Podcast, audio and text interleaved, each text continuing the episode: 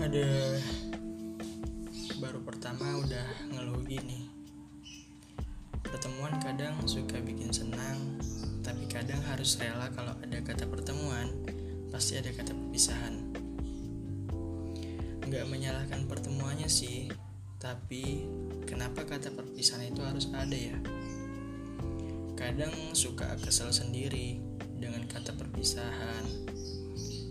Emang nggak bisa dipungkiri yang namanya perpisahan pasti bikin sakit hati. Tapi nggak apa-apa. Dengan adanya perpisahan, kita bisa jadi lebih tahu bahwa betapa pentingnya pertemuan yang hadir sebelum datangnya perpisahan.